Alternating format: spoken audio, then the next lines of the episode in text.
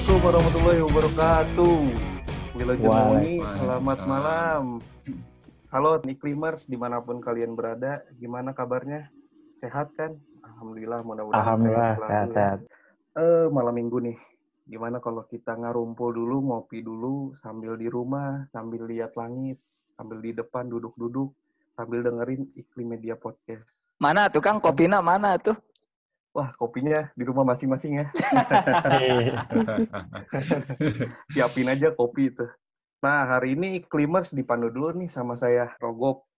Gantian dulu sama Kang PK ya, Kang ya. Mohon izin. Siap, lanjut lanjut Kang Rogo. Oh ya, malam ini ada siapa aja nih? Mudah-mudahan formasi lengkap. Ada siapa aja nih? Kang PK hadir ya? Hadir. Mila hadir? Hadir, Kang.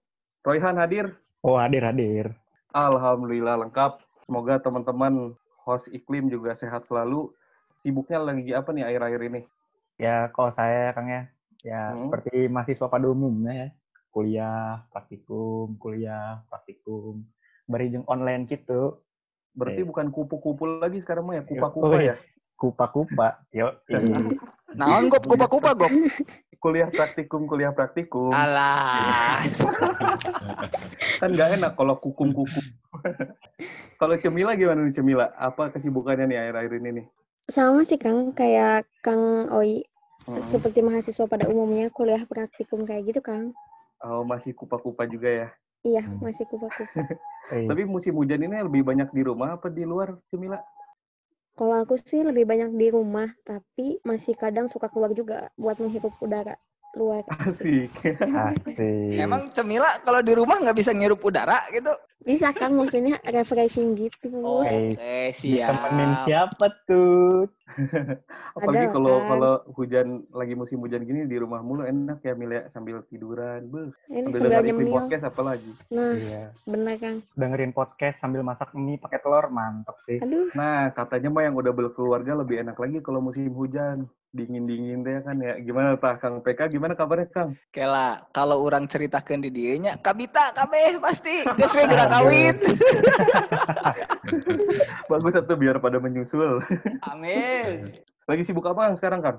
Sekarang ya paling ngajar online aja sama ada beberapa tugas tambahan sih. Itu aja paling. Sisanya Masih mah ya ya? masih. Sisanya Hmm. mah ya mempersiapkan bahan buat bareng iklimers lah pokoknya mah. Wih, iya Wih. mantap. Eh, teman-teman suka baca berita apa yang lagi ramai ya akhir-akhir ini ya? Hmm. Erupsi, erupsi kayaknya tuh. erupsi di Merapi tuh lagi Gunung ramai. ya, Gunung Merapi tadi pagi ya Kang ya, beritanya. Iya.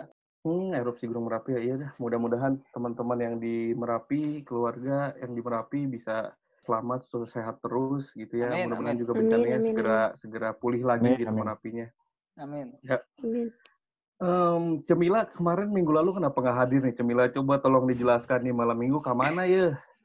Oh, bobogohan. Eh, Enggak Eh, gitu juga, Kang. Maksudnya refreshing, Kang, aku tuh. Asik, refreshing ke mana? Eh Bandung ya, Bandung ya Cemila teh ya? Iya, di Bandung, Kang. Eh Bandung teh, saya lihat berita kemarin ya jadi enam kota paling hijau di Indonesia. Teh. Jalan-jalannya ke mana kemarin Cemila? Katanya ada taman kota di situ bagus ya. Iya, kemarin tuh aku tuh refreshing ceritanya ke Taman Balai Kota Bandung, Kang. Ya Taman Balai gitulah. Kota Bandung. Iya, abis Oh. hujan tuh kan enak gitu kan, Kang, sejuk-sejuk gimana gitu. Enak ya emang ajib sih di situ sambil sambil makan gorengan gitu ya cuy. ya. Ya, mantap, Kang, benar. Sambil Makin ini ya, roman. Cemila Apa, Kang? sambil foto sama foto boot Mang Odet ya. Bisa kali nanti diposting foto but sama Mang Odetnya. Cemila. Nah, bener ta, diposting di Instagram Iklim Media. Nah, Ya benar. Pak. Oh si Cemila tuh ya. Nanti ditunggu sama iklimers. Aduh, malu. Aib-aib. Eh tapi kalau ngomongin RTH di Bandung gitu ya, kayaknya malam ini kita seru kalau ngomongin RTH, apalagi kalau ditemenin sama narasumber kita nih. Gimana nih teman-teman? Wah, sabi sih Kang kayaknya. Sabi, Kang, Soalnya asik RTH banget nih ya, iya. Soalnya RTH kayaknya semakin ke sini gitu ya, semakin sedikit aja kayak kayaknya ya gitu. Kalau yang Hmm. saya, saya lihat gitu ya. Apalagi masih banyak ya mungkin ya mungkin masih banyak yang belum ngerti juga gitu apa itu RTH, apa itu apa namanya hutan alami gitu ya, apa itu masuk RTH apa enggak gitu kan nggak tahu. Belum belum mungkin belum banyak yang aware gitu ya. mending kita panggilin narasumber langsung tentang RTH kita, Kang Gulam. Halo Kang Ya. Gulam. Ya, halo Kang Rogo, Kang PK, Cemila, Kang Oi. Wilujeng malam minggu ya ini ceritanya teh ya. Oh iya. Iya. Malam Iya, ah, malam itu minggu, kan Kang. malam minggu, Kang. Oh iya, Wilujeng malam mingguan lah ini. Meskipun mungkin di pandemi ini rada terbatas keluar ya, tapi bisa menikmati meren ya di rumah masing-masing atau di ya di tempat yang bisa dinikmati aja lah. Nah, saya benar kan. Benar-benar lagi malam Iya. minggu, lagi pandemi, nggak bisa keluar. Pasnya mah langsung dengerin podcast kita biar ikutan kayak ngobrol gitu sama kita ya Kang ya. Nah, iya cocok. Oh iya saya juga lupa tadi ya menyapa iklimers. Halo iklimers, mungkin salam Halo. kenal saya Gulam ya. Wah, alhamdulillah eh, Ya. iklimers disapa eh. Eh, Oh iya Kang Gulam, eh Hmm, ya. perkenalan dulu ya kayaknya enaknya ya. Silakan dari Kang Oke. Gulam mungkin eh, namanya asalnya dari mana Kang, terus lah, kesibukannya lagi apa, terus ya itulah mungkin Kang bisa diperkenalkan dulu biar iklimers pada dengar. Oke, makasih Kang Rogob. Saya Gulam, iklimers. Eh, saya asli dari Bandung. Saya sehari-hari profesi sebagai eh, perencana kota, perencana wilayah. Saya eh, lulusan dari ITB, Planologi ITB, angkatan 2003. S2-nya kebetulan di UGM, dari ilmu lingkungan UGM. Sehari-hari ya tadi ya sebagai konsultan perencana kebetulan eh, mungkin saya sering mendampingi proyek-proyek perencanaan tata ruang kota apa di level kementerian maupun di di pemerintah daerah itu mungkin sehari-hari kerjaan saya ya nah ini juga mungkin eh, ada kaitannya sih ya dengan RTH walaupun sih lebih ini aja kali ya apa untuk membicarakan RTH-nya baru per- perkenalan itu ya Kang Rogob ya Iya benar Kang, masih Hmm, perkenalan masih tentang RTH perkenalan itu tentang apa. RTH ya. Iya, iya. Mungkin kalau untuk lebih dalam sih ada sih sebetulnya yang lebih ahli ya dari, saya. Tapi kalau untuk eh, pe- pengen- pengantar sih insya Allah lah mungkin bisa saya membantu menjelaskan mengenai RTH ini ke teman-teman iklimers. Ya. Terima kasih ya kepada eh, apa kru iklim media ini udah memberikan kesempatan nih buat saya untuk menjadi narsum. Sebenarnya bukan narsum lah ini kita sharing-sharing aja ya Siap Kang. kita ngobrol-ngobrol aja santai ada malam mingguan atau ya kalau malam mingguan ada serius ting mah kurang seru menurutnya Nah bener lah, malam mingguan mah Siap, siap. sambil istirahat kan ya, sambil dengerin Hmm. yang ringan-ringan tapi rada berbobot lah. nah, udah denger kan ya iklimers ya, Hmm. kita kedatangan tamu ahli perencanaan kota. Mungkin kota-kota kamu tinggal juga itu disusun oleh Kang Gulam nih bisa jadi.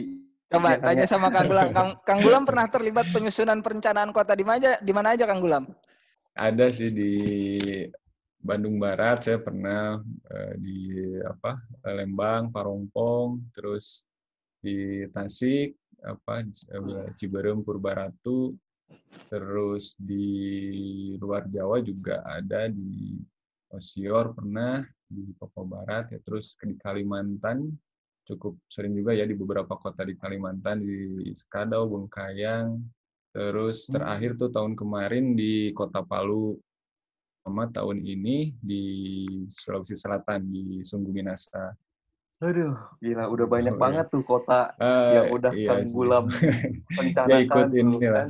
ikut berkontribusi merencanakan kalau perencanaan kota itu memang eh, kita dari planner mau apa membantu Pemda lah ini untuk Hmm. bikin dari sisi teknisnya ya tapi kalau produk rencana tata ruang ini itu hasil dari kolaborasi bersama lah antara semua stakeholder ya baik dari Pemkab dari ya konsultan iya. juga gitu dari swasta juga semuanya Mantap. Tuh kan Hmm. teman-teman iklimers kan dengar sendiri tuh dari Kang Gulam pengalamannya udah banyak di kota-kota di Indonesia nih. Apalagi R, apa namanya rencana tata ruang perencanaan ruang itu pasti erat kaitannya sama RTH juga ya Kang ya. ya betul Kang Rogob Ngomongin RTH ini sebenarnya saya juga masih awam gitu ya Kang, yang kurang begitu paham. Jadi yang dimaksud RTH ini apa sih Kang? Ya, jadi RTH itu sendiri singkatannya itu ruang terbuka hijau ya. Ruang terbuka Iya. hijau itu ada beberapa ini sih ya, beberapa uh, referensi ya mungkin. Kalau dari Undang-Undang 26 2007 tentang penataan ruang itu, hmm.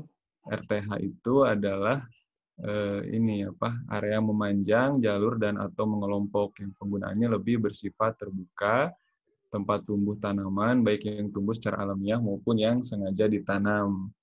Kalau dari apa referensi dari akademisi ya sama sih lebih ke ruang terbuka misalnya dari CAR itu uh, lebih ke ruang terbuka ruang hijau yang memang itu aksesibel gitu artinya itu uh, bisa diakses oleh publik dan hmm. mempunyai fungsi uh, secara ekologis dan juga uh, apa sebagai tempat pendukung aktivitas sosial ekonomi masyarakat kota. Gitu.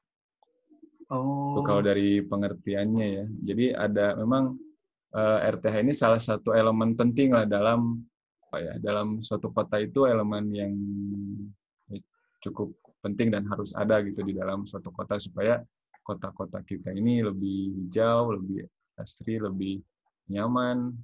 Tadi kan Cemila katanya kalau eh, sekarang banyak di rumah ya, terus sesekali keluar menghirup udara segar kalau keluar menghirup udara segar ya di luarnya harus uh, banyak hijau-hijauan ya.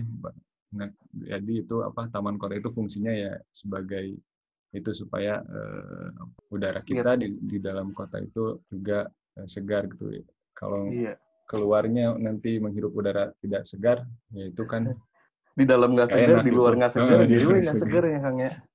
Oh ya Cemila, Cemila pas kemarin keluar udara masih segar berarti kan ya Kang eh ya Iya kan masih segar hmm. alhamdulillah masih Wah, banyak pohon-pohon alhamdulillah itu gitu. berarti Bandung RTH-nya masih masih mumpuni lah ya Kang ya. Kang Rogop, Kang Rogop uh, mau nanya dulu sebentar iya. Kang Rogop. Iya Kang, gimana Kang? Hmm. Kalau RTH buat Cemila tuh ruang terbuka hati ya Cemila ya. Dibuka kan nih hatinya gitu buat para iklimers. Iya, biar jomblo biar biar aksesibel gitu kan atau jadi menisable aduh ya enggak kang enggak tertutup ya, kan. Ya memang kalau masuk ke RTH itu kan biasanya kita langsung segar gitu ya, masuk ke taman kota, ke hutan kota ya langsung iya. segar. Iya. Nah, kayaknya gitu juga kalau masuk ke hati Cemila, wah langsung segar juga. Gitu. Mantap itu mas. gitu. RTH-nya harus yeah, ruang yeah. terbuka hati, bukan ruang tertutup hati, ce. Jadi jangan oh, yeah. hati buat siapa pun ya, ya. nah, Tuh kan RTH tuh pengertiannya udah dijelasin sama Kang Gulam tuh dari undang-undang maupun dari beberapa ahli gitu. Nah, tadi Kang Royhan saya dengar awal katanya RTH udah mulai mengikis, udah mulai berkurang. Gimana tuh Kang Royhan? Ada bisa lebih detailnya gak Kang? Pernah baca berita atau apa gitu Kang? Iya, jadi gini Kang, kan kalau di kota-kota besar itu kan ya kalau yang saya lihat ya ini mah. Jadi itu kebanyakan tuh udah banyak-banyak gedung-gedung bertingkat gitu ya. Iya, Terus ya, ya, betul, di, betul. bisa dilihat kayaknya ruang terbuka hijaunya itu kayak udah jarang banget lah gitu. Padahal nih, mm -hmm. kalau yang saya baca ya dari dpu.kulonprogo itu bisa dibilang kalau ruang terbuka hijau itu idealnya 40% nih dari luas wilayahnya atau bisa dibilang mm -hmm. 40% dari luas kotanya lah gitu. Yeah. Nah, itu kira-kira mm -hmm. kalau misalnya kurang dari 40% nih Kang, gimana tuh Kang? Oke, mungkin saya jawab pertanyaan dari Kang Oi dulu ya, sebelum okay. tadi ngejawab yang dari Kang Rogop tentang sejarah RTH. Kalau dari apa uh, memang di kota-kota besar tuh RTH ini pasti jadi isu ya karena udah susah nyari lahannya. Nilai apa harga tanah udah mahal juga udah banyak hubungan gedung-gedung tinggi. Nah, sementara tadi ada daerah di mana? Di Kulon Progo ya itu 40% katanya aturannya. Mungkin setiap daerah itu ada aturan yang berbeda-beda ya mungkin di Kulon Progo 40% tapi kalau di undang-undang nomor 26 tahun 2007 tentang penataan ruang, sebetulnya minimal uh, luas LTH itu ketentuannya itu 30% dari luas kawasan perkotaan atau luas kota. Nah, dua, uh, 30% itu uh, dibagi lagi 20% ruang terbuka hijau publik, 10% ruang terbuka hijau privat. Yang privat itu ruang-ruang hijau itu yang ada di dalam kafling-kafling pribadi ya yang nggak boleh dibangun harus tetap jadi lahan hijau terbuka oh. gitu. Terus oh berarti kan, punten Kang di seladu ya. Kang. Berarti hmm. 10% itu teh di, di ya. kumulatif kan ya Kang ya dari keseluruhan individu-individu ya Kang ya? Iya, betul. oh, dari... bukan 10. Misalkan saya punya rumah hmm. luasnya 60 meter persegi nih, 10% dari hmm. 60 meter persegi. Bukan gitu ya, Kang ya? Uh, jadi kalau uh, ketentuan dari undang-undang masih kumulatif, tapi biasanya di di setiap kota juga ada aturannya. Jadi untuk kan untuk ke mengejar kumulatif itu tentu harus ada batasan setiap iya. coupling yeah. harus ada berapa ya. Nah, nah, di itu setiap kota juga ada. Nanti ada aturannya lagi gitu untuk oh, setiap ya. coupling itu batasannya berapa. Ada namanya kalau di setiap coupling namanya itu aturan tentang koefisien dasar hijau KDH hmm. atau singkatnya KDH. Nah, itu eh, koefisien itu persentase dalam satu coupling itu minimal berapa persen itu harus tetap hijau lahannya nggak boleh dibangun. Ada yang 10 persen, ada yang 20 persen itu untuk mengejar kumulatifnya tadi Kang Rogo gitu. Wah, mantep mantep kan. Mantep, iya, mantep ya. Ya lah Gop. Gitu. Mana yang mantep atau liar Gop? ya saya yang terlalu liar kayaknya. Tapi udah dapat pencerahan dari Kang Gulam Kang. Iya, Ternyata 10% iya. private-nya tuh begitu gitu. Iya. Mantep Kang. Kalau 20 persennya mah jelas ya itu mah uh, ruang terbuka publik ya yang yeah. uh, di apa uh, yang itu uh, bisa diakses oleh publik lah gitu. Nanti itu juga banyak jenisnya RTH RTH publik itu hmm. jenisnya gitu. Uh, di ada itu di ketentuannya ya di peraturan Menteri PU nomor 5 tahun 2008 jenis-jenis ruang terbuka hijau publik itu apa aja misalnya taman kota pemakaman juga masuk ke RTH publik tuh pemakaman hmm. itu. Oh, pemakaman ya. Ya, masuk ya.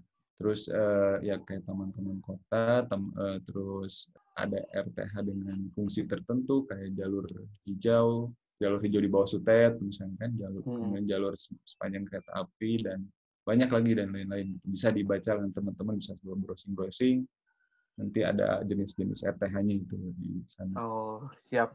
Mm-hmm. Berarti kita catat tuh teman-teman tadi keluar uh, lagi Undang-Undang Nomor 26 tahun 2007 terus ada lagi apa tadi kan peraturan Menteri PU Nomor PU, 5 ya, ya Kang ya? Ya 5 tahun 2008.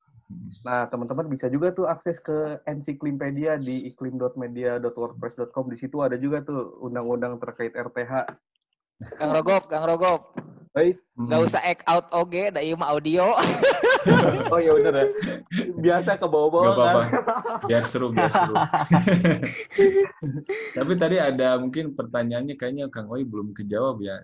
Maksudnya kalau iya. misalnya di bawah ketentuan itu melanggar atau tidak gitu ya. Nah ya, itu tuh. Ah. Kalau sebetulnya ya bisa dibilang eh, maksudnya melanggar ketentuan dari undang-undang itu sendiri ya, Kang Oi ya. Atau misalnya di daerah ada aturan sendiri di Perda, ya berarti dia eh, melanggar dari Perda gitu. Jadi tapi ini kan e, misalnya satu daerah itu ada penyusunan rencana tata ruang tersendiri, biasanya dicek dulu tuh si perencanaan RTH-nya itu udah nyampe kuotanya itu belum kuota 30%, kuota 40% belum gitu okay. ya. Ada ada mekanismenya lah untuk bisa mengejar ke arah yang apa minimal itu gitu. Kurang lebih seperti itulah. Hmm. Tapi kan kalau awal mulanya tuh RTH muncul uh, karena apa sih kan? Maksudnya mungkin yeah. kan ada sejarahnya ya kayak sejarahnya, tadi kata ya. Kang Roy kan uh. udah berkurang gitu ruang apa udah berkurang zona betul, hijaunya betul. atau kayak yeah, gimana. Yeah, nah, yeah. awalnya gimana tuh Kang? Sebetulnya kalau sejarahnya RTH itu mungkin udah dari zaman dahulu kala ya RTH itu sebetulnya bisa dibilang kalau menurut saya ya ini hmm. menurut Pak Ari sebenarnya dibilang kebutuhan dasar RTH itu karena coba kita lihat-lihat misalnya kalau nonton film-film tentang kerajaan-kerajaan zaman dulu gitu kan pasti di istananya suka ada taman kan? Iya iya benar ada taman gitu. Terus misalnya eh, di kota-kota zaman dulu juga di Babilonia misalkan ada taman gantung Hmm. Di... Kalau di Indonesia kemarin kayak alun-alun ya Kang ya. Itu nah, masuk juga di Indonesia kan? juga masuk. Uh, itu oh. masuk. Alun-alun itu kalau memang ya masuk bisa masuk juga bisa masuk ke juga. Tapi ada ada RTH atau RTNH namanya non non hijau ya. Ruang pokoknya ruang terbuka loh misalnya. Ya, tergantung oh. si perdanya itu dia mau fungsikan sebagai ruang hijau atau uh, kayak kalau alun-alun Bandung mah udah ruang terbuka ruang hijau gitu karena kan udah di yeah. sintetis semuanya ya. Tapi kalau di, di kabupaten kota lain masih ada kan yang masih berupa taman-taman hijau gitu. Iya, iya, iya. Mungkin kalau bicara sejarah ya, ya gitu apa, udah kebutuhan ya istilahnya ya kalau karena apa ya taman karena ya naluri manusia ya suka yang indah-indah ya itu dari sisi estetiknya terus yang kedua juga ya kebutuhan dasar karena manusia perlu oksigen kan gitu nah di iya. di dalam kota ini kalau kebayang lah kalau misalnya beton semua kebangun di kota pasti nggak nyaman kan kita harudang jeung harudang gitu kan. Engap harengap deh ngaheap gitu. Jadi ya apa eh, fungsi RTH sebagai uh, apa namanya itu paru-paru kota ya. Kalau waktu sekolah kan kita diajarin ya taman kota sebagai paru-paru kota katanya waktu sekolah hmm. dulu kan nah itu memang fungsi pohon-pohon di dalam RTH itu untuk menyedia oksigen oksigen bagi penduduk uh, di dalam kota itu terus banyak fungsi-fungsi yang lainnya sebagai penentu tata air banjir, misalnya sebagai penyimpan air untuk cadangan air minum, misalnya terus sebagai itu ekologisnya. Terus juga fungsi apa? fungsi eh, sosial ekonominya juga kan itu sebagai eh, sarana olahraga, sarana rekreasi warga kan tadi yeah. eh, Jemila ke balkot katanya kan sambil selfie selfie sambil makan cuanki di sana kan nah, itu kan ada sosial ekonominya ya jadi orang datang ke iya. sana rekreasi tukang cuanki dapat cuannya gitu kan. Penting ya cuan. Eh, ngomongin ngomongin cuanki cuanki itu iya. singkatan sih kan sebenarnya makan tahu nggak kan apa sih tapi sok gue kasih tahu ke iklimnya cuan kita cari uang jalan kaki gitu ya nama Alah, pasti udah tahu sih Kang Lain, lain cari uang jalan kaki. Ya. Tahun Kang cuan berkali-kali, cuan sekali mungkul mau percuma itu. Bisa wae Kang PKI. Eh, tapi tapi tapi tapi gini nih Kang. Tadi sempat eh. apa ya? Sempat unik nih. Kan tadi kata Kang Gulam tuh bilang kalau pemakaman tuh termasuk ke RTH ya Kang ya. Nah, itu kenapa tuh yeah. kan bisa disebut kayak masuk ke RTH? Hmm. Apa itu cocoknya lebih yeah. ke ruang hmm. terbuka non hijau kan kalau yang pemakaman? Iya. Yeah. Kalau uh, pemakaman itu soalnya gini Kang Raihan itu apalagi kalau di Islam ya kan negara ya. kita mayoritas Islam itu kan nggak boleh di tembok ya itunya itu apa di makamnya ya itu makam atasnya sehingga mayor eh, dominasi dari area pemakaman itu akan menjadi terbuka kan gitu jadi air bisa meresap masuk nah hmm. di situlah dia ada fungsi untuk penyim, apa eh, tata airnya di sana gitu untuk pendukung tata air di hmm. situ dan juga kan biasanya kalau pemakaman ruang terbuka ya banyak pohon-pohon itu juga yeah. bisa dan itu juga sekaligus apa ya untuk meningkatkan si citra pemakaman itu sendiri gitu. Jadi tujuannya itu supaya kalau kita ke makam itu enggak kesannya tuh angker gitu. Pohonnya cuma ada pohon kamboja doang gitu. Pohon. Jadi eh, apa si nisannya enggak teratur gitu kan. Kan sekarang kan udah mulai ya pemkot itu udah mulai hmm. ditata apa sih barisan makamnya diatur dia kasih rumput semuanya kan jadi bagus jadi mempercantik wajah kota juga bahkan di kalau di luar luar negeri itu banyak tuh pemakaman pemakaman itu jadi tempat wisata di sana kan udah uh, oh. apa ditata juga ininya gitu apa landscape-nya iya. ada angkut tamannya hmm. ada si uh, apa kalau di sana mah orang-orang luar negeri kan suka aneh-aneh mungkinnya si yeah uh, apa makamnya itu dibagus-bagusin gitu. Nah itu jadi jadi tempat bisa bisa jadi tempat wisata juga. Jadi ada fungsi tambahan lah sebagai ruang hijaunya gitu itu kurang lebih Kang Oim. Jadi ada sisi estetisnya juga ya Kang ya? Ya betul, nah, supaya nggak kesannya angker ting, supaya kesian menghilangkan kesan angker uh, gitu kan dengan estetis. Kang Royhan gitu kalau wajahnya angker ting Kang, uh? kasih jadi RTH aja Kang biar ada estetis. Pulah gitu. Nggak ada yang Kang itu.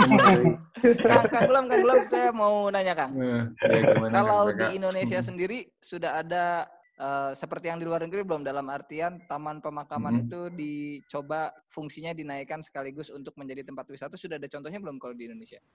Kalau sebagai tempat wisata tak ada nggak ya?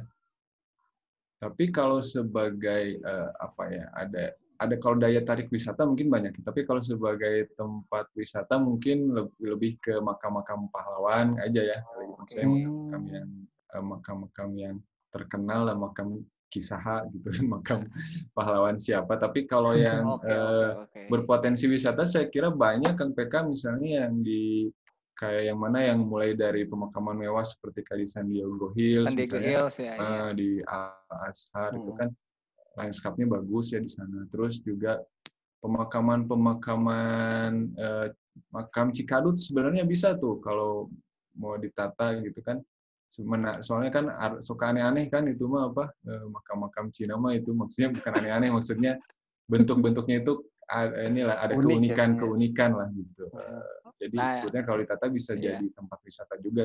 Jadi maksud saya para iklimers anu modal hmm. napas-pasan mau ngajak jalan cemila hmm. bisa tak ajak gue jalan ke tamakan yeah. makam Cikadut atau makam pahlawan. Coba. Siapa tahu oh, ayo cemila kita mengadakan pertemuan dengan iklimers gitu kan. Di mana? Tama makam pahlawan le dalam rangka mendukung RTH betul itu wisata sekaligus uh, ini apa mengingat kematian gitu kan supaya Iya benar. Jadi ada ada nilai keimanannya. Ada nilai keimanannya selain. Benar-benar kan. Bukan yang capluk ya. Kenawan kan. Tapi tadi saya dengar gitu ya, yeah. kalau RTH itu pasti hmm. menyangkut hmm. tentang kota-kota terus gitu ya Kang ya. Emang kalau RTH hmm. itu hanya di tingkat kota apa ada juga Kang ada tingkat uh, provinsi atau ada tingkat negara hmm. mungkin gitu kan? Apa gimana Kang? Uh, kalau konsepnya sih uh, eh, RTH itu memang untuk mengisi ruang kota jadi konsep utamanya ya hmm. kan uh, apa Kang Logop jadi memang itu untuk sebagai pengisi ruang kota lah gitu. Nah kalau hmm. misalnya tingkatnya nasional, provinsi atau kota atau kabupaten itu mungkin lebih ke pengelolaannya kali ya. Iya. Misalnya taman taman balai kota ya pasti sama kota pengelolaannya misalnya taman gak sibuk misalnya ya sama pemprov misalnya gitu ya hmm, hmm. kalau iya, iya. taman iya. Eh, apa monas misalnya sama hmm. nasional atau DK itu saya nah, pokoknya mungkin itu lebih ke pengelolaannya mungkin ya kalau kalau oh uh, okay, ya, ya. berarti dasarnya mah konsepnya hmm. mah disusun oleh uh, pemerintah kota dulu ya kang ya untuk uh, apa namanya ruang-ruangnya ya, ya kang ya ya mungkin konsep ininya ya konsep teoretiknya artinya memang si RPH ini untuk mengisi ruang-ruang kota atau kawasan perkotaan. Jadi ada ada ada kota, kawasan perkotaan, ada juga kawasan perdesaan ya misalnya. Kalau RTH ini memang konsep untuk mengisi ruang kota. Kalau di perdesaan mah kan dominasi kawasan hijau tentu ya dia Iya, ya, Kalau kalau di di kota kan dominasinya bukan kawasan hijau nih. Nah, harus hmm. ada ruang-ruang hijau yang mengisinya. Oi, Cemila ke mana nih Cemila nih? Belum nanya-nanya nih Cemila. Mungkin ada, ada pertanyaan Cemila yang sering ke taman kota kencang gitu, Ce. Oh ya Kang, aku mau nanya nih.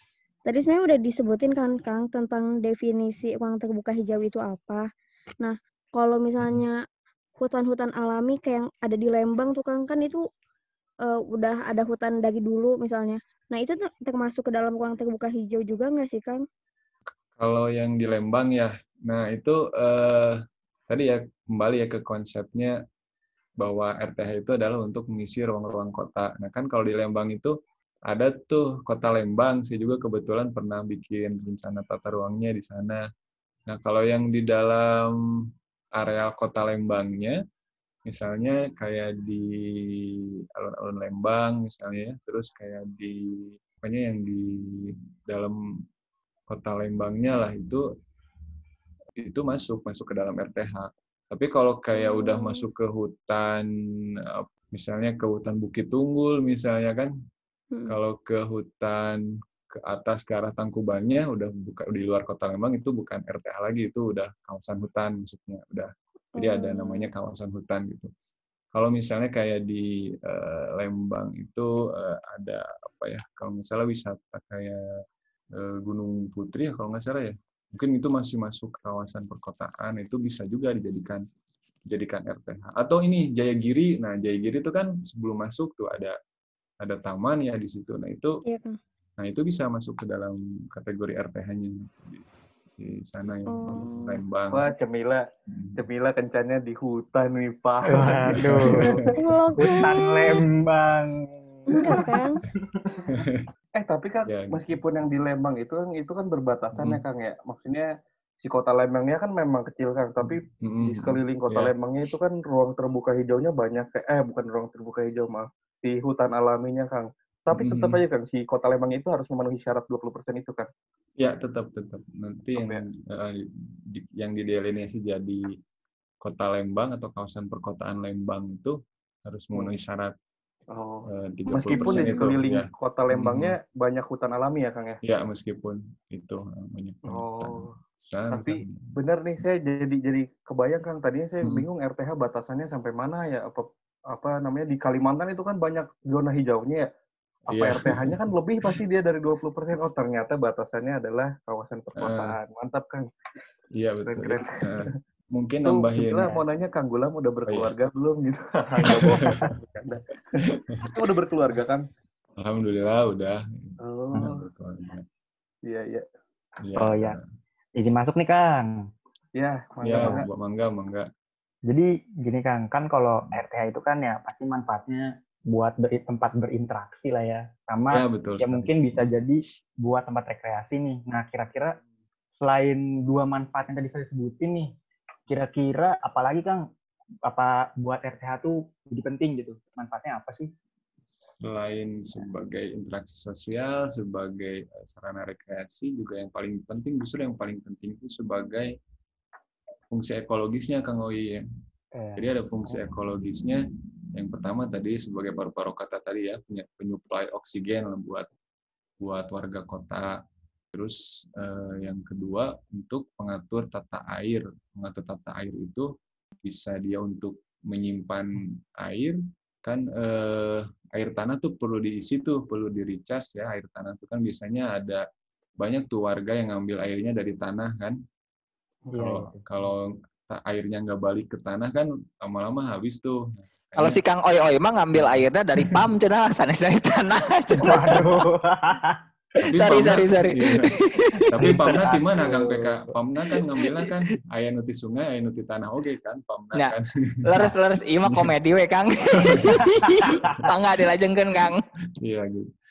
Terus juga ada untuk uh, fungsi tata air yang satu lagi buat pengendali banjir. Ya banyak uh, kayak kasus Jakarta tuh kan banyak yang nyalahin karena kurangnya ruang terbuka hijau karena kurangnya apa akhir tuh bingung mau lari ke mana ya udah larinya ke jalan aja lari ke rumah gitu. Nggak ada yang lahan apa lahan hijau yang buat air meresap masuk ke dalam itu untuk pengendali banjir. Itu fungsinya yang lebih pentingnya mungkin kang. Oh iya. Oh iya kang. Ada lagi nih masuk nih kang ya. Iya. kira-kira kang kalau pantai hmm. itu termasuk ruang terbuka hijau nggak sih kang? Kalau pantai hmm, pan pantai bisa bisa bisa. Kalau pantai yang di dalam tapi bukan pantainya, wilayah sekitar pantainya ada namanya sempadan pantai. Jadi kalau di dalam Permen PU nomor 5 tahun 2008 itu ada namanya ruang terbuka hijau dengan fungsi tertentu itu kayak eh, ruang terbuka hijau sempadan sungai, sempadan pantai, eh, RTH untuk jalur setet yang di bawah setet, RTH sempadan kereta rel kereta api itu bisa masuk ke dalam. Kalau mungkin pantainya kalau di dalam kota ya, pantai ya. di dalam kota kayak di Ancol misalnya atau kayak di hmm. atau di dalam kayak kota-kota lain mungkin ada. Nah, itu uh, bisa bisa. Tapi kan kalau yang uh, di pantai itu uh, ada namanya sempadan pantai, jadi dibatasi ruang ada berapa uh, kalau dalam ketentuan mungkin minimal 100 meter ya dari dari garis pantai itu itu harus jadi lahan hijau. Jadi nanti fungsinya selain sebagai buat area rekreasi juga sebagai buat eh, apa, penahan dari bahaya bencana ya bahaya bencana gelombang hmm. pasang hmm. atau tsunami dan sebagainya. Oh ya nih Kang, ada lagi nih Kang. Kan kalau ada nih namanya uh, kebun raya tuh, kebun raya yang di Bogor. Hmm. Ah, itu iya, berarti iya, iya. itu masuk hmm. tetap masuk ke ini dong Kang, uh, ruang terbuka hijau ya. Cuman itu bersifat kan ada yang ruang terbuka hijau tuh ada yang bersifat publik sama non publik tuh Kang.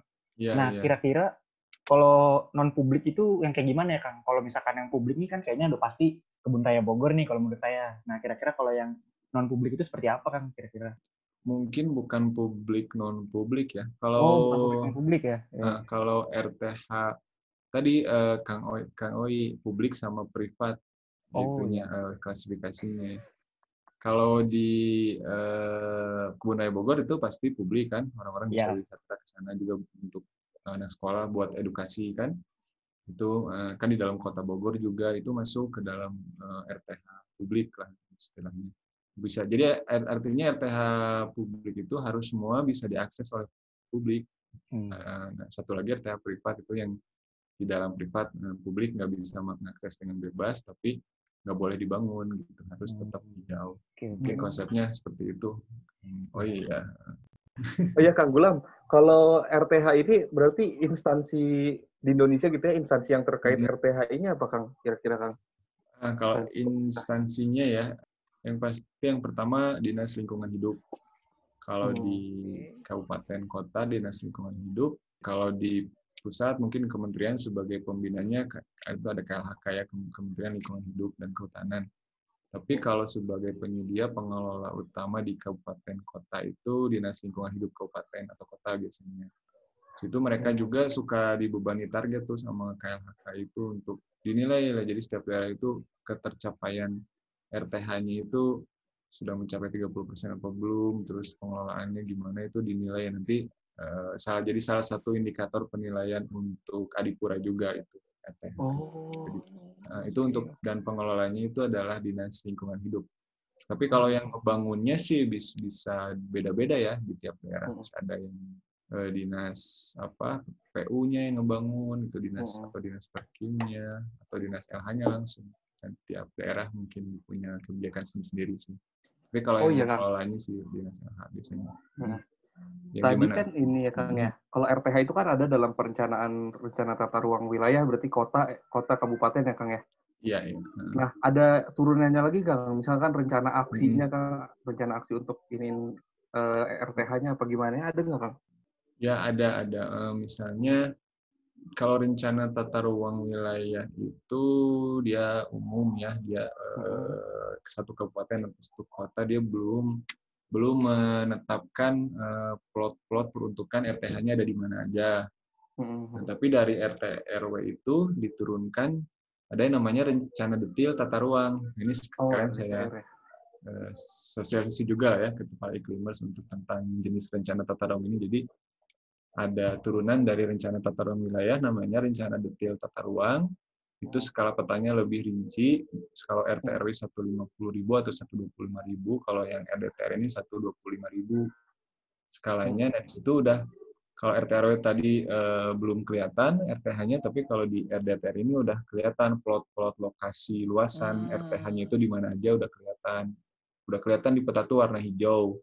Itu eh, untuk plot-plot taman-tamannya di mana, plot-plot hutan kotanya di mana, plot-plot eh, apa eh, pemakamannya di mana aja misalnya itu udah harus sudah kelihatan di dalam RDTR.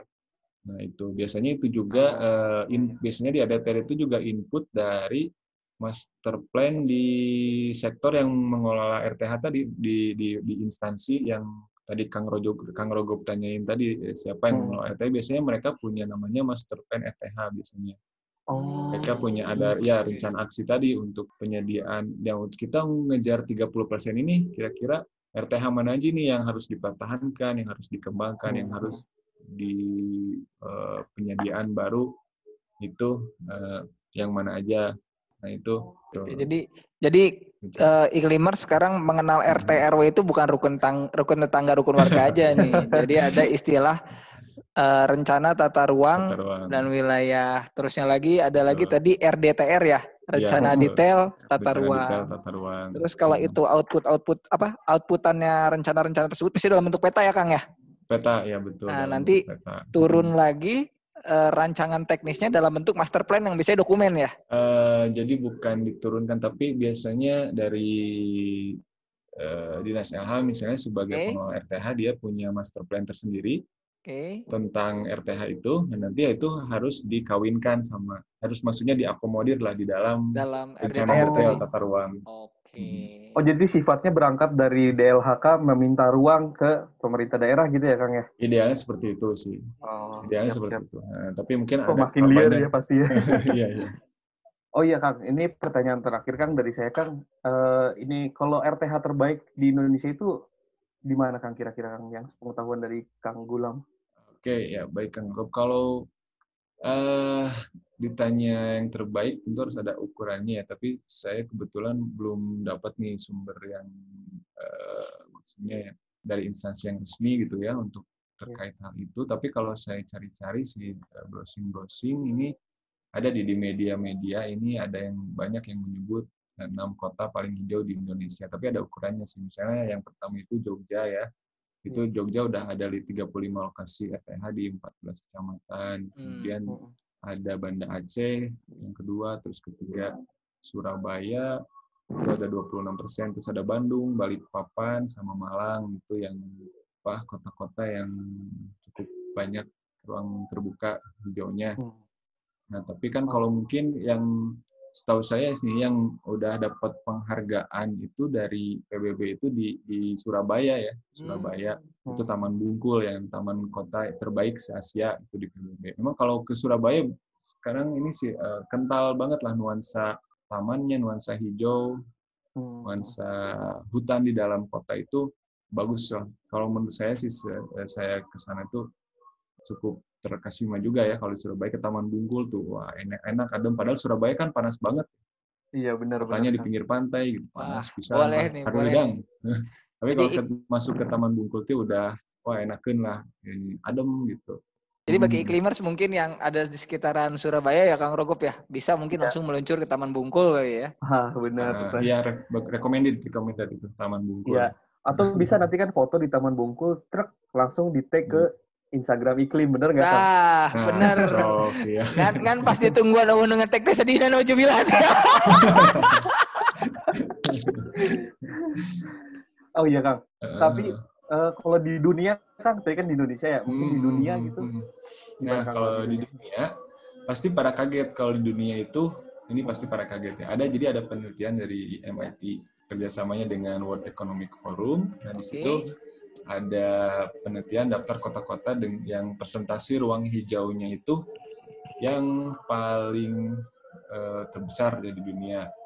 Uh, biar agak seru, uh, tebaklah masing-masing host iklim, sok tebak. Kira-kira uh, di kota mana di dunia yang nomor satu? Pasti pada kaget. Helsinki, Finlandia, Kang. Helsinki, uh, oke. Okay. Uh, Kang Owi Helsinki. Kang Rogob apa? Tuh, saya sebenarnya kurang tahu sih kan cuman saya pengen milih Bogor aja dah sebagai oh, warga Bogor ini ya oke okay, oke okay. Kang Rogo Bogor Bogor juga bagus sih benar RTH-nya Kang PK apa Kang PK kalau hmm. saya baca-baca sih Manhattan ya uh, Manhattan oh iya. di New York Oh New iya, York, Manhattan iya. benar itu bagus juga itunya apa eh, Central Park. Iya Central Park. Central Park. Nanti saya cerita sedikit tentang Central Park. Terus uh, Cumila di mana? Di Cibenying bukan? Sok Cumila tebak di mana Cumila? Uh, mungkin kata aku mah ini di San Diego di California. Oke. Okay, yes, eh. Oh, sayang sekali jawabannya nggak ada yang benar eh. Jadi kota yang paling luas persentase ruang hijaunya itu Tenggala yang paling dekat sama kita Singapura. Wah. Wah. Oh, persentase ya iya di areanya kecil ya. Oh iya benar benar benar iya. benar. Iya iya iya iya iya. Tapi kalau dilihat dari uh, luas dia yang apa? Luas wilayahnya kecil terus uh, apa? intensitas pembangunan kotanya tinggi. juga tinggi di sana. Yeah. Itu menurut saya di Singapura itu apa ya suatu pencapaian yang cukup luar biasa gitu apa ya uh, cukup ya bikin kaget sih menurut saya ya kalau di Singapura itu karena ya di dalam ruang yang terbatas yang sempit itu iya, iya. mereka uh, pemerintahnya masih berkomitmen gitu untuk menciptakan ruang-ruang hijau uh, apa menciptakan ya ruang-ruang terbuka yang bisa memperindah uh, dan meningkatkan kualitas kota yaitu mereka makanya menggalakkan ininya apa kan kalau MIT ini surveinya dia ngelihat ya dari Google itu yang tutupan ruang hijaunya ya. Iya. Kalau kalau saya kira yang 29% di Singapura itu nggak mungkin. Di ruang yang belum terbangun di Singapura 29% itu nggak mungkin. Itu uh, apa menurut saya itu mereka dapat lahan hijaunya itu dari dari mana coba? Dari green roof green roof. Jadi iya. banyak eh, ini ada kebijakan-kebijakan di Singapura itu untuk mendorong pembangunan-pembangunan atap-atap hijau di gedung-gedung, di rumah-rumah. Itu makanya masuk ke dalam radarnya CMIT itu. Jadi kehitung jadi luasan ruang hijau ya kayak green roof, terus taman-taman kotanya juga masih dipelihara, dikembangkan, terus apa sih namanya yang bahkan kayak di Marina Bay Sands misalnya yeah. itu kan tempat wisata gitu kan sebagai ya dia berfungsi juga sebagai ruang hijau kota juga gitu. Jadi nah, nice jadi, pisan ya hmm. ngegabungin konsepnya dengan konsep pembangunan sama konsep ekologikalnya betul, nice pisan lah pokoknya. Nice yang menyeimbangkan antara uh, ya apa pembangunan ekonomi dengan uh, lingkungannya gitu ini RT itu dan pelajarannya dari Singapura itu jadi ya untuk mewujudkan ruang hijau itu memang nggak cukup dari uh, apa ya pengetahuan teknis atau dari ketersediaan lahan yang dipunyai aja, tapi dari keinginan kuat atau political political will dari pemerintahnya ya untuk mewujudkan si RTH itu gitu. Itu kalau pemerintahnya nggak kuat mengatur atau mendorong penyediaan RTH itu ya saya rasa nggak akan bisa terwujud sih ruang apa ruang-ruang FPH yang cukup besar di Singapura itu dan nggak ada alasan berarti kan buat kota-kota besar tadi Kang Oi menyebutkan di awal ya kendalanya kita ini udah banyak gedung tinggi kan di mana di Jakarta di Bandung misalnya di uh, Surabaya misalnya di uh, apa udah nggak ada alasan lagi berarti untuk tidak menyediakan ruang terbuka hijaunya Singapura aja bisa ya kotanya yang apa wilayah yang sempit itu dan banyak gedung-gedung tingginya gitu Mantap. Kade Kang, bisi ayah tukang bakso atau tiba-tiba ayah tukang nasi goreng, payunan bumi, itu udah ngomongin pemerintah. Iya. Bisi wayah kia ayah tukang nasi goreng, jangan pakai hatong. Perlu diwaspadai. tapi, tapi memang berarti, berarti itu hmm. strategi apa ya? Strategi dalam hal buat membuka ruang terbuka hmm. hijau di gedung-gedung tinggi itu dengan cara hmm. roof tadi ya Kang ya. Betul ya, itu. Ya, itu. Ya itu bisa didorong dengan uh, adanya insentif-insentif dari pemerintah ya misalnya untuk uh, apa yang menyediakan green roof misalnya di, dikurangi uh, apanya misalnya pajak airnya atau pajak uh, ya misalnya dikasih insentif lah misalnya di dikasih difasilitasi lah untuk uh, apa ya, dari sisi fiskal ataupun non fiskal untuk untuk mendorong supaya uh, bisa Eh, green roof green roof itu. Mungkin kan kalau di kita nih eh, nggak cuma di gedung-gedung tingginya di iya. Kampung-kampung kota juga kan bisa dikembangkan ya apa di di masyarakat tuh bisa didorong untuk eh, misalnya Kang PK, Kang Oi punya loteng, nah itu dibikin hmm. taman lah di loteng itu. Sekarang kan lagi hype ya, ya. lagi lagi hype ya hidroponik hmm. lah pakai apa nah sekalian aja nih kan bikin taman di, di dalam loteng itu bisa jadi kalau mau selfie itu nggak usah jauh-jauh ke balai kota, udah ya di loteng sendiri gitu. Nah, bener. Kalian nih Kang, langkah-langkah terkecil kita Kang. Hmm. Kasih apa ya, wejangan terakhir buat iklimers, uh, kita sama-sama ya, bangun ya. yuk. Itu kota kita jadi apa yang seger, hmm. yang banyak ruang terbuka hijaunya. Gimana Kang? Silakan Kang. Oke, okay, uh, uh, mungkin buat pesan buat iklimers, uh, Eh, sering-sering uh, main ke taman aja kali ya. Sering-sering main ke taman kota. Uh, itu yang pertama maksudnya untuk menghidupkan uh, apa taman-taman kota di, di kita juga. Kalau misalnya taman di kota kita kurang enakan, males lah mau main ke situ, dah balala, taman oge gitu ya, kalau tor hmm. atau nggak ada uh, tempat mainnya gitu ngapain itu ke taman kayaknya nggak menarik banget Nah itu mungkin kita uh, jangan pasif, tapi bisa sama teman-temannya, sama komunitasnya, misalnya sama apa teman-teman sekolah, teman-teman kampusnya mungkin bisa yeah. untuk menggalang aktivitas-aktivitas uh, untuk menghidupkan atau menata taman tersebut. Misalnya kita uh, ya semacam bakti sosial atau semacam apa ya, ya kegiatan ini aja apa kegiatan sos, uh, kegiatan sosial untuk ikut berkontribusi misalnya menata atau mempercantik si taman itu yang ada di kota kita hmm. supaya lebih bisa lebih menarik dan bisa jadi tempat main yang enakan gitu intinya mah. Iya, nah, itu ya untuk untuk di tamanan dan dan juga eh, selain uh, kita membantu pemerintah untuk mengimprove atau meningkatkan ruang-ruang uh, terbuka hijau publiknya, kita juga bisa mulai nih di rumah-rumah kita sendiri ini. Uh, ada karangan sedikit ya jangan dianggurin gitu ya, jangan dibiarin kosong ya tanaman-tanaman hijau lah. Itu kan banyak manfaatnya ya sekalian apa sekali selain biar kita pas keluar tuh ngelihat segar hijau-hijau ninggalin hijau-hijau gitu kan tapi juga hmm. bisa buat misalnya kita nanam cabai ya, kalau bikin sambal kan tinggal ambil cabenya nggak usah capek-capek itu tentang sayur lah gitu kalau mau ya, masak indomie pakai sayurnya tinggal sayurnya ngambil dari depan gitu. Gitu. Gitu dan ya itu sangat uh, ini apa ya hal-hal yang Eh, bisa dilakukan langsung dari kita sendiri. Karena karena pemerintah kalau misalnya kita ngandelin pemerintah ya kasihan lah gitu ke pemerintahnya ya.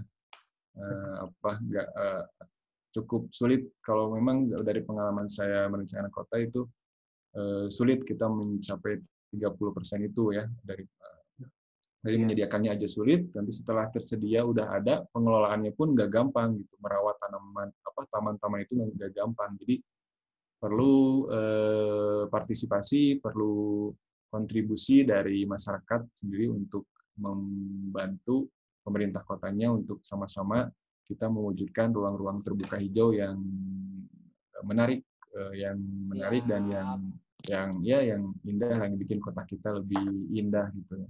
Itu kira-kira. Siap, Siap Kang. Aman, Mantap. tukang nasi goreng Pak Yunan Bumi, tos uih dak. Sarana saya Oke, mantap banget Kang Gulam hari ini obrolannya. Mudah-mudahan kita juga bisa menarik apa yang diobrolkan malam ini ya. Dan apa ya, ini kesimpulan ya. Kesimpulan dari saya, mangga silahkan simpulin sendiri aja dah.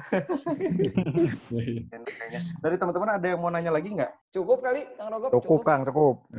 cukup ya. Kalau cukup mungkin sekian dulu materi apa materi lagi eh, podcast kita malam ini. Semoga bisa bermanfaat buat teman-teman ataupun bisa menjadi apa namanya daya tarik untuk lebih banyak tahu lagi. Dan terima kasih buat Kang Gulam ini ilmunya benar-benar jadi terbuka gitu hmm. tentang RTH. Hmm, ya sama-sama Kang Rogop dan teman-teman. Pikiran, ya, ya, pikiran kita sekarang jadi terbuka dan jadi lebih hijau ya Gov ya setelah membahas ruang terbuka hijau. Berarti Kang Oi lebih adem udah lebih adem sekarang mukanya lebih adem Kang. Dan Cemila juga bisa RTH ruang terbuka hatinya bisa lebih terbuka lagi ya kayak. Ya Allah Kak. mungkin mungkin Karogop kita kita mungkin di episode ini minta minta tolong ke iklimers ya bagi yeah. para iklimers semua yang telah mendengarkan podcast ataupun membaca tulisan kita di iklim.media maupun yang mengikuti Instagram kita mungkin bisa ini ya pamer pamer lah pamer ruang terbuka hijau baik di yang ruang terbuka hijau private seperti di rumahnya maupun di taman-taman hmm. kotanya ya mungkin bisa langsung ya, aja di tag di tag ke IG kita nanti akan kita jadiin stories foto yang terbaik akan kita ucapkan selamat Anda menjadi foto yang terbaik. Hadiah sama Chan Aya. Oke, ya paling paling segitu dulu ya teman-teman. Jangan lupa tuh tadi yang pesan Kang PK, foto di rumahnya atau di ruang terbuka hijau di kota kalian, foto tag ke Iklim Media ada di Instagram. Oke, jangan lupa. Kami undur diri. Saya Rogo pamit. Saya Royhan pamit. Saya Mila pamit. Saya PK pamit. Saya Gulam pamit. Makasih semua. Mas. Wassalamualaikum warahmatullahi wabarakatuh. Dadah.